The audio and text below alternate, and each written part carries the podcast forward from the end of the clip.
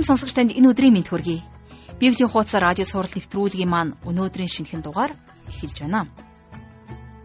Тэгэхэр Илч Паул Тесалоник хотын чуулганд ихийн хайраар уян зөөлөн хандаж байсан тухайга өөрөө гэрчлэн хэлсэн. Тэрээр Коринт хотынд загтал бичгтээ би та нарт хайрыг үртлэн очих уу? Эсвэл шилбүүртээ очих уу? Өөрөөсөө мэдгэж хатуурхан бичсэн байдаг. Үнэн дээр Коринт хотынд асар их зүйлийг зааж сургасны дараа тэдний хийсэн гим нүглийг хараад маш их урам хугарч тэгийнхүү хатуу битсэн баг. Харин Десалоник хотынд битсэн загталтаа өөрийгөө ихийн хайраар уян зөөлөн байснаа хилээ зогсохгүй. Эцэг хүний ёсоор чуулганыг сургаж, сахилгажуулж байснаа хэлсэн. Тэгвэл өнөөдөр чуулганд үйлчилж байгаа пастор ахлагчид энэ зүйлийг өвлөх хэрэгтэй байна. Харин итгэгч бидний хувьд пастор ахлагч нарыг номлох үед тэднийг бурхны үг болоод бурхны зүрх сэтгэлийг дамжуулж байгаад л анхаарах хэрэгтэй гэж зөвлөж байна. Хэрвээ итгэлээрээ ийхүү хүлээж авбал чуулган тэр аяараа өрөөгдөх болно. Хамтдаа хичээлийн өмнө товчхон залбирцгаая.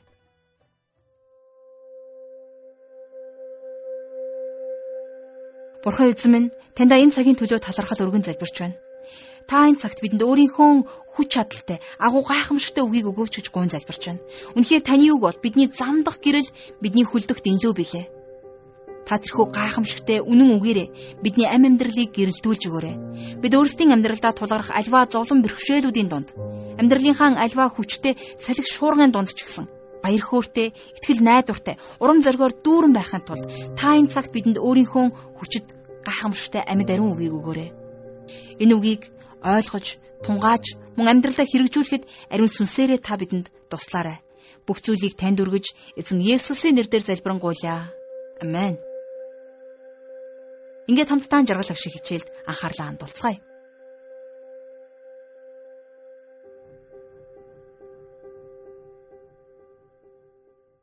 За өнөөдрийнхөө хичээлийг бид 1-р Тесалоник номынхон 2-р бүлгийн 14-р ишлэлээр эхлээд за энэ бүлгийг дуустал нь судлах болно.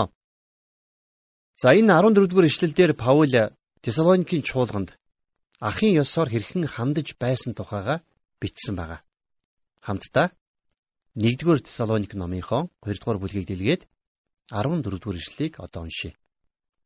Ах トゥ нараа та нар Христ Есүсийн доторх Бурхны Евдээдэх чуулгануудыг дуурайгчд болов. Учир нь тэд евдээчүүдээс шиг та нар ч мөн өөрийн нутаг нэгтнүүдээс адилхан зовлон амссан ажээ. Ахтунраа гэж Паул энэ ишлэлээ эхлүүлсэн байна, тийм ээ. Тэгэхээр энэ дэлхий дээр бол нас хүйс, арсны өнгө, нийгмийн гарал угсаанаас үл хамааран хоёр төрлийн ах トゥ ус байдгаа гэж би хувьдаа боддог. А Библиэлд хэлэхдээ бүгд нүгэл үлдсэн тул бурхны алдарт хүрдэггүй гэж хэлсэн байна. За тийм учраас гим нүгэлтэй хүн болгон өөр хоорондоо ахын дүүс. Бид нар бүгдээрээ гим нүглийн барилдлагатай ахын дүүс. Өөрөөр хэлэх юм бол гим нүгэлтэй бүх хүмүүс хоорондоо ахын дүүс гэсэн үг. Харин тэднээс гадна өөр нэг төрлийн ахын дүүс бий. Паул энэ Тесалоникийн итгэгчдийг ахын дүүс гэж дуудсан байна. Паул тэднэрт хандаж бичгтээ Та нар ч мөн өөрийн нутаг нэгтнүүдээс адилхан зовлон амссан гэж хэлсэн. Тесалоникийн чуулганы итгэгчдийн ихэнх нь харь үндэстнүүд байсан. Хэдийгээр тухайн үед итгэгч нарын эсрэг Ромын эзэнт гүрнийг хамарсан их хавчлага хараахан өрнөж эхлэегүй байсан ч гэсэн тэдгээр итгэгчид аль хэдийнэ хавчлага дарамтыг амсаад эхэлчихсэн байсан. Тесалоник хотын итгэгчид итгэлээсээ болж зовлон амсч байсан. Тийм ч учраас Паул тэднэрт хандаж та нар ингэж зовлон идэлхээс чинь өмнө Иерусалим дахь ахын дүүс чинь итгэлээсээ болж зовлон амсч байсан юм шүү. Тийм учраас та нар бүгдээрээ зовлон нэгтээ ахын дүүс болжээ гэж хэлсэн байна, тийм ээ.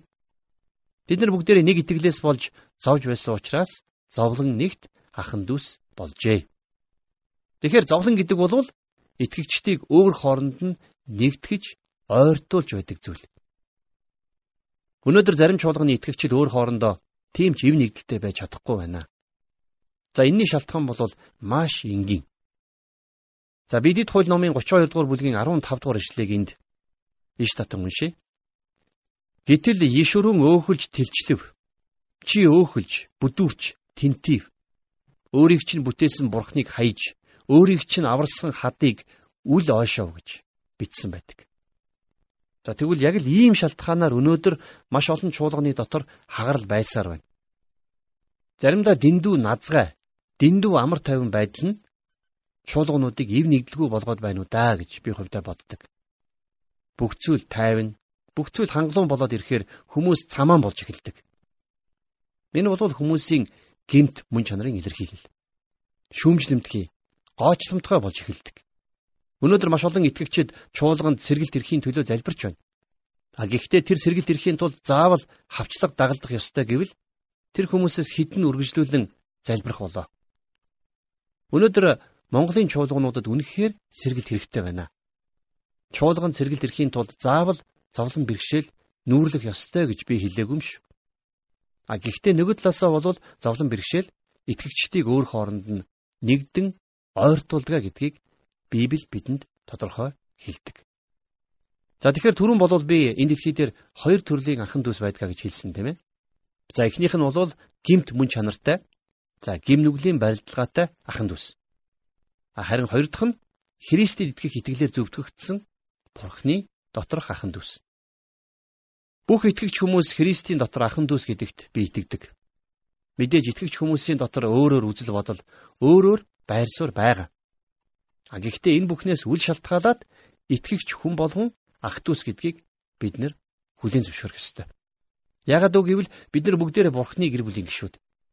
Тийм учраас бид энэ л тэнгэрлэг гэр бүлийн харилцааг чуулганаар дамжуулан энэ дэлхийд харуулах ёстой. Чуулган үнэхээр бурхны гэр бүл шиг байж энэ дэлхийд гэрэл давсан байж чадах юм бол сэргэлт ирэх нь гарцаагүй гэж би бодож байна. Итгэгч бид нар зүгээр залбираад л сэргэлтийг аваад ирнэ гэж эндүрдэг. Зөвлөлөх юм бол явах ёстой замаа товчлоод шууд сэргэлтэнд хүрэхийг хүсэж байдаг. Яагаад бид нар сэргэлтийг бий болгох тэр нөхцөл байдал бүрдээсэ гэж залбирч болохгүй гэж? Нэгэн үед Английн нийгэм бүхэлдээ түнэр харанхуйд автаж цуст хувьсгал болоход ойрхон байсан тэрл хүнд хэцүү цаг үед Веслийн хөдөлгөөн өрнөж эхэлсэн байдаг. Уэслийн хөдөлгөөн бол үнэхээр хинч маргахын аргагүй сэргэн мандалт байсан. Ийм сэргэлт бий болохын тулд эхлээд шаардлагатай нөхцөл бүрэлдэх ёстой. Магадгүй бидний одоогийн байгаа нөхцөл байдал сэргэн мандалт бий болгоход шаардлагатай тэрхүү нөхцөл байдал байхыг ч үгүйсгэх аргагүй шүү дээ. За 15-аас 16 дугаар ишлэлдэр Евдэчүүд эзэн Есүсийг болон иш үзүүлэгчдийг алж биднийг хавчиж бурханд эс таалагдан бүх хүнд өсөрхөж харийнхныг аврах гэсэн яриаг маань хорсноор тэдний нүглүүд хуралдсаар байна. Гэвч эцэст нь уур хилэн тэдэн дээр буулаа.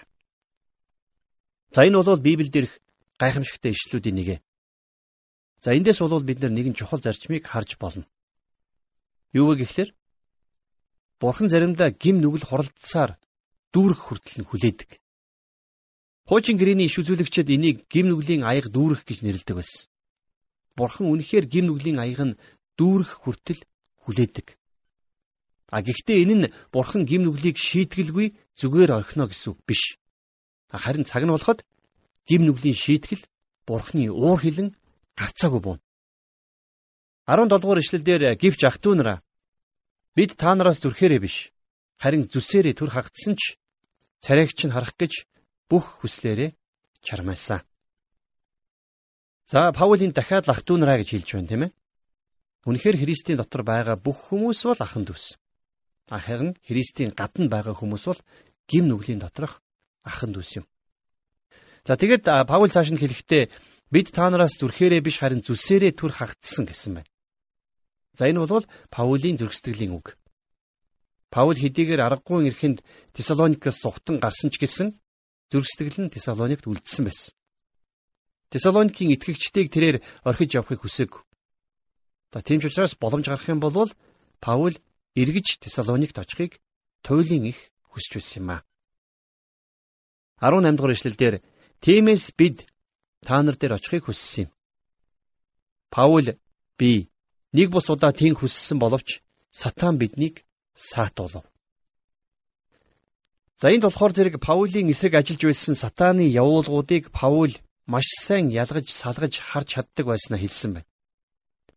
Паул Тесалоник руу очихыг нэг бус удаа хүссэн боловч сатан тэрэнд хэрхэн саад болж байсан гэдгийг Паул энд өөрөө тодорхой хэлсэн байна. За тэгвэл сатан өнөөдөр ч гэсэн Бурхны үгийг дамжуулах альва ажлуудад аль болох саад хийхийг хичээсээр байдаг. Ийм жишээг бид нар олныг дурдж чадна. Үнэхээр сатан Бурхны үгийг дамжуулах альва үйлчлэлүүдэд саад хийхийг маш ихээр чармайдгаа гэдгийг бид санах хэрэгтэй. За 19-оос 20 дугаар ишлэгийг уншаад өнөөдрийнхөө хичээлийг өндөрлөе. Учир нь эзэн Есүсийг ирэхэд түүний өмнө хэн бидний найдвар эсвэл баяр баясгалан эсвэл өргөмжлөлийн титэн бэ? Энэ нь та нар босуу. Та нар бидний алдар бөгөөд баяр баясгалан билээ. За эзэн Есүс Христийг энэ дэлхий дээр дахин ирэх тэр мөч болвол Паулийн хувьд эзэн дээр аваydсан хүмүүстэйгээ уулзсан баярлах гайхамшигтай мөч байх болно гэж Паул хэлсэн байна. Паулийн Христ рүү дагуулan авчирсан Тесалоникийн итгэгчид бол Паулийн хувьд баяр хөөр өргөмжлөлийнх нь титэн байсан. Сонсогч таныг мөнхийн улсад очих үед хэн нэгэн хүн тань дээр ирж Бурхны үгийг дамжуулж Христ рүү хөтлөн дагуулж өгсөний чинь төлөө танд таларх болов. Та ингэхэд юу н сайн мэдээ тарааж байсан уу? Сайн мэдээ тараагчдыг дэмжиж байсан уу? Сайн мэдээ тараах ажилд хувьчлан, биечлэн оролцож байсан уу? За тэгэд таны үйлчлэлээр дамжуулаад Христээр ирсэн хүн байгаа бол хожим нь тэр хүн танд талархал илэрхийлэх болно. Энэ бол та бидний мөнхийн усад очоод хүлээж авах шагналын нэг хэсгэ гэж би хувьдаа боддог. Есүс Христийг дахин ирэх тэр өдрийг баяр хөөртэйгээр хүлээх нэг том шалтгаан бол энэ гэж би итгэдэг. Таны үйлчлэл таны нөлөөгөөр дамжуулаад Христэд итгэсэн тэр хүн тантай хамт Христийн өмнө зогсох шиг баяр хөөр ивэл өрөөл би гэж юу. Сайн мэдээг бусдад гэрчлэн амьдрах таны амьдрал дээр Бурхны ивэл өрөөл өнөөдрөөс идүгэ дүүрэн байх болтугай.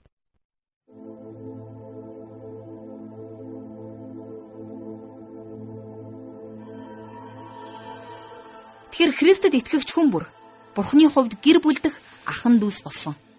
Итгэлийн ахан дүүсийг зовлон бэрхшээл улам бүр ойртуулан дотносуулдаг. Заримдаа Бурхан бидний хоорондох зайг арилгахын тулд ижил зовлон өгч тэр зовлонгийн эсрэг хамтдаа зогсох үгийг мөн хүч чадлыг өгдөг. Жинхэнэ итгэгч хүн зовлон гуниг дунд ч гэсэн хэрхэн баяр хөөргийг олж харахаа мэддэг. Эцэст нь бурхан асуудлыг хэрхэн шийддэг гэдгийг тэр мэддэг учраас л ийхүү баяр хөөргийг сонгодог баг. Энэ бол ариун сүнсний үр жимс. Бид амьдралдаа сайн мэдээ тарааж, Бурхны үгийг хэрэгтэй хүндэн дамжуулж, тэднийг Христ өдөө хөтэлдэг байх хэрэгтэй. Христ итгэгч та тэдэнтэй ойр байгаа учраас тэд Бурхны тухай эртхэн мэдээд зарим зовлонг туулахгүй байж болно шүү дээ. Хожим бид мөнхийн улсад очиод өөрсдийн шагналыг хүлээн авах болно. Хамтдаа залбирая. Бурхан эзэн минь Таньда өнөөдрийн үгийн төлөө талархал өргөн залбирч байна. Та бидний төлөө өөрийнхөө хүүг илгээж, гим нүгэлтээ сул дорой биднийг аварсан учраас танд бүх алдар магтаалыг өргөе. Эзэн минь өнөөдрийн сурсан үгийнхээ дагуу бид зовлон бэрхшээлийн дунд ч гэсэн баяр хөөртэй, урам зоригтой байхыг хүсэж байна. Та бидэнд ариун сүнсээрээ тусалж, амьдралын альва салхи шуурган дундч та бидэнтэй хамт байгаагаа бидэнд үргэлж мэдүүлж өгөөрэй.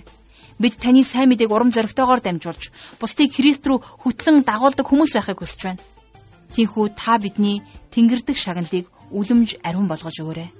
Мөнхийн эзэн минь танд бүх алдар магтаалыг өргөж эзэн Есүсийн нэрээр залбирanгуйлаа. Амен.